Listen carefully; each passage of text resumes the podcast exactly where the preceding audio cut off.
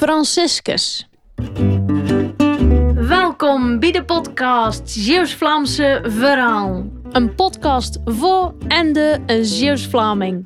De ene keer en ik een Kersans verhaaltje voor jou, geschreven de Noofkrabbe. De andere keer hoor ik een beetje over ons bijzondere taaltje. Om ons schone dialect in leven te houden. Allee, we zijn van tof.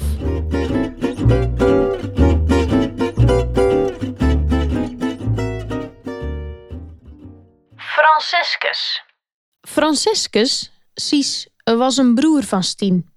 Van wezen en ze op elkaar als twee druppels water. Op de mat waren de koopvinters de dekkels mes mee. Dan ze de een aanklappen en staan die en dan ze de ander. Cies woonden op een bovenabel groot affaire. Er waren vier knechts, een koeienwachter en twee meiden. Een binnenmeid en een buttenmeid. Zambi mekaar twaalf melkkoeien, tien zeugen en twaalf paarden. Die paarden die had voor geen kopje. Ze waren er niet op verzitten. De baas zei hard werken, daar zullen ze niet van weten. Als de kribben maar niet doorhangt. Als dan de koeien gekalfd waren in de korte maand, februari, kocht de baas bij die eigen kalvers nog een stuk of twaalf bij. En die stond dan in de lege winkel achter de puien op een resum toe en lat toe. Van die zeugen nam ze elk jaar rond de 200 vegens en was er op zo'n manier heel wat werk aan de winkel en moesten ze er niet achter zoeken. Als er een zeugen mos ving, was de bazinne erbij of ontrend. Soms met een halve nacht. De bas zei daar wel eens: Wat loop je toch halve nachten te sporen op het tof? Die zegt: De nacht is voor de bonsink. De bazinne zei dan: Bemoei je hier je eigen maar met de paarden. Anderwegens verkocht werden, kregen de meiden staartjes geld en voor elk veggen een dubbeltje. Dat was voor de oppas. De koeien kalfden in een korte maand en als ze dan het jen van april afgetrokken waren, kwamen ze in de weien weer bij. De baas zei, dat kalven ze twee keer. Sisa meer vulte als zijn broer. Die zei tegen het volk, het laatste vultje moet je niet zoeken. Komend jaar hebben we er weer andere en dan zullen we weer weer zien. Maar hij nu denkt dat hij een vulveuren was, bij daarnaast en slijde planken mes. Hij was de eerste in het ronde die dan met iedere ploeg. En de plekken van de Walse ploeg had hij de Sakse ploeg en die had voor te stoppen vier twistscharren.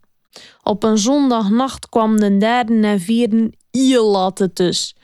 Ze hadden in een staminezen, een pempel en ze waren in dolie, een stukje. En ze zat als een kanon. Het was in de kleine uurtjes en ze zong... We gaan nog niet naar rust, nog langer niet, nog la... En wie zat dat betalen en al ze.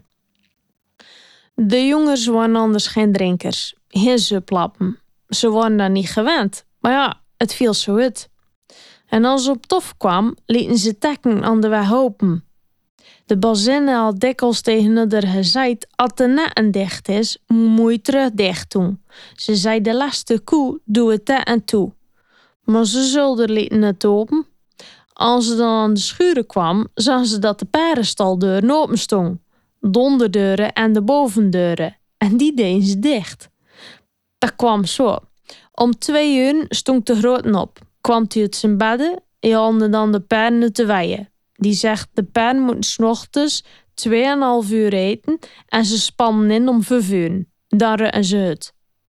Het was het gebruik dat de groten s'morgens de pen voerden en de andere knechts deden dat overdag.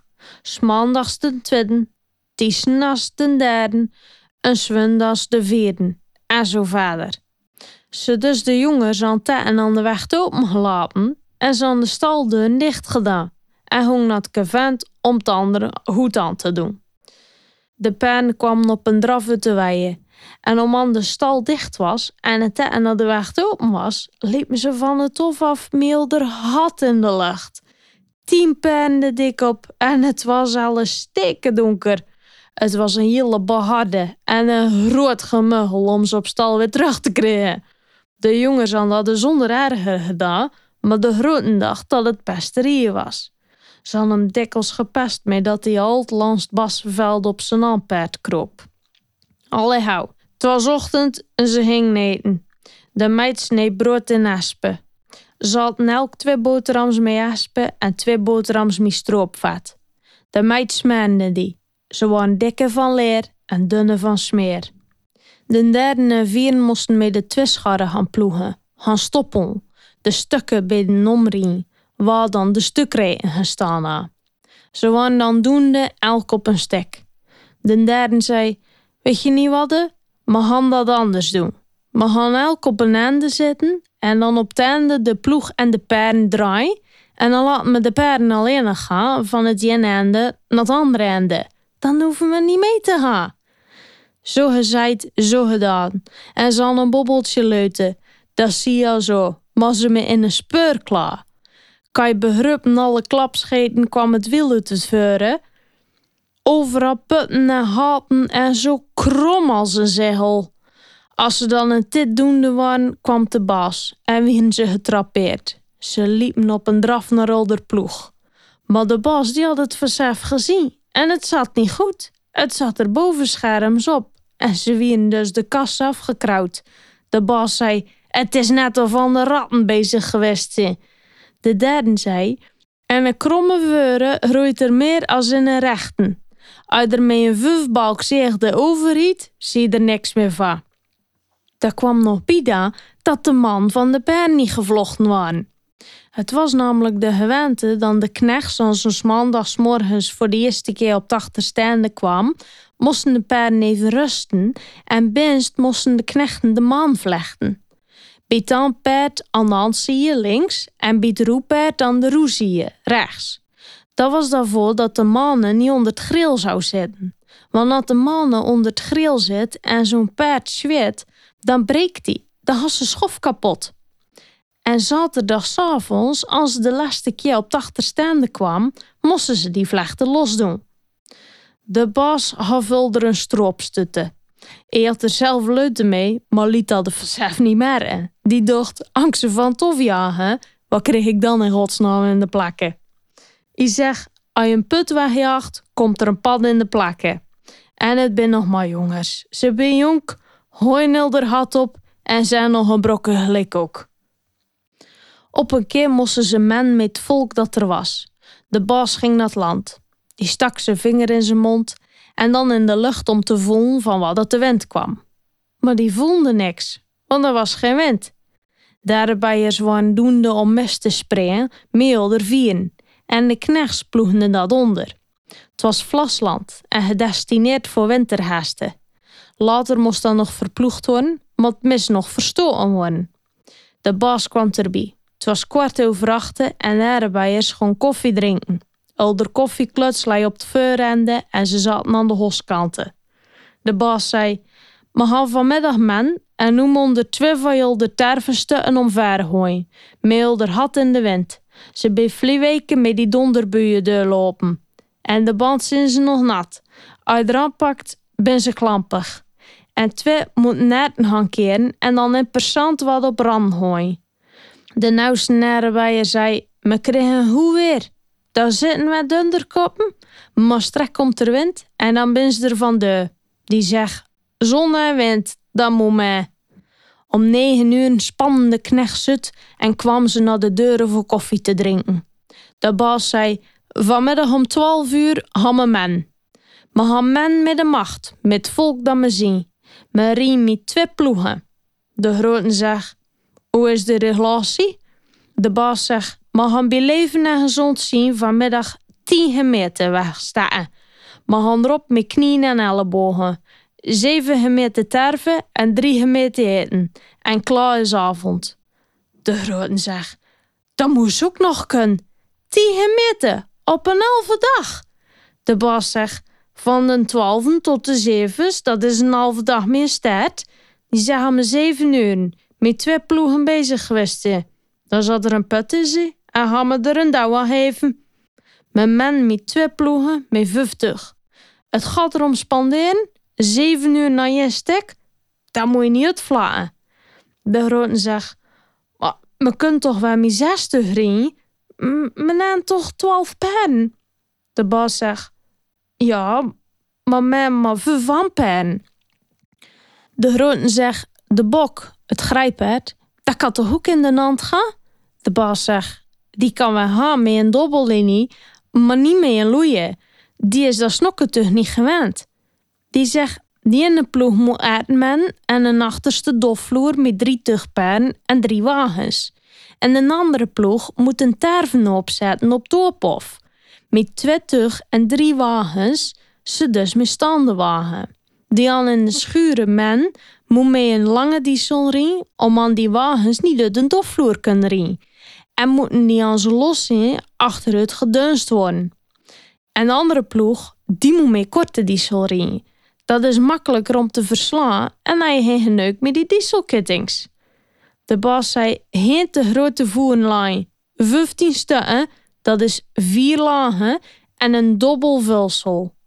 De grote zegt, oké, oké Bas, en, uh, en hoe is het met volk?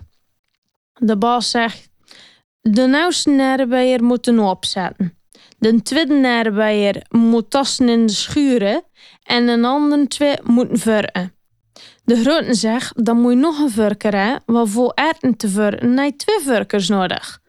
De baas zegt, ja, de smid gaat de man stieren, die wil wij een halve dag helpen. Het was namelijk toen de tijd het gebruik dat ambachtmensen bij de klanten hielpen in de noest. Die zegt, twee vrouwenling moeten op de noop biesmaken en twee op de tas bihooien. En dan hebben we er nog twee nodig voor dertien opgangen te gooien. Voor de pikkelingen te te smitten. Dat moet dan de meiden maar doen. De koeier moet met vijfde te en ik zal bij de noop de voeren afgeven. De baas zegt, nu moeten we eerst en vooral de wagens man. Dat is geleen zegt dat me gemist hè. En niet vergeten de zweken te smeren, anders slingen de wagens te vee. De grote zegt, de wagenlichter is kapot en we moeten nog achter klavers en er is gisteren een snaarstok gebroken. Ze dus, meneer mooi en zei ze die dat capabel is. Je zegt, het komt, dat komt ook al gelijk. Me moet nog meeschaan naar de smid en je van de knechts moet de paarden oppassen. Op zo'n manier is er nog werk aan de winkel. De baas zegt, de reep nang me van achter de tutten van de wagens. Het is open dat we ze niet nodig hebben, maar het is een gerustigheid als we ze bij ons hebben. Zo gezegd, zo gedaan. Het liep al mee. De wind verdappende, de tarve was goed in staat en bekwaam. Je van bijers was zijn vurken vergeten en die moest terug naar. De baas zei: Hij had eten uit de hoeken verken bij jou?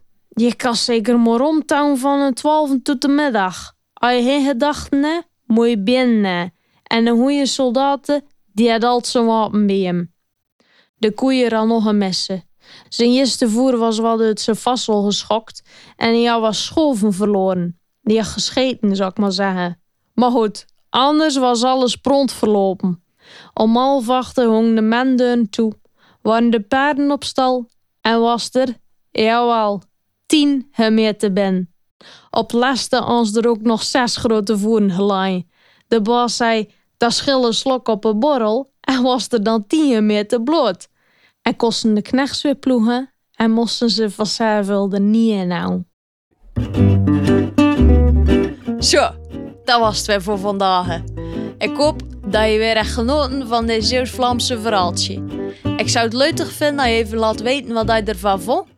En abonneren op deze podcast zelf ook. Dan krijg je automatisch een berichtje als er weer een nieuw verhaaltje voor je staat. En voor nu, bedankt voor het lusten en uh, de naastigheid hè.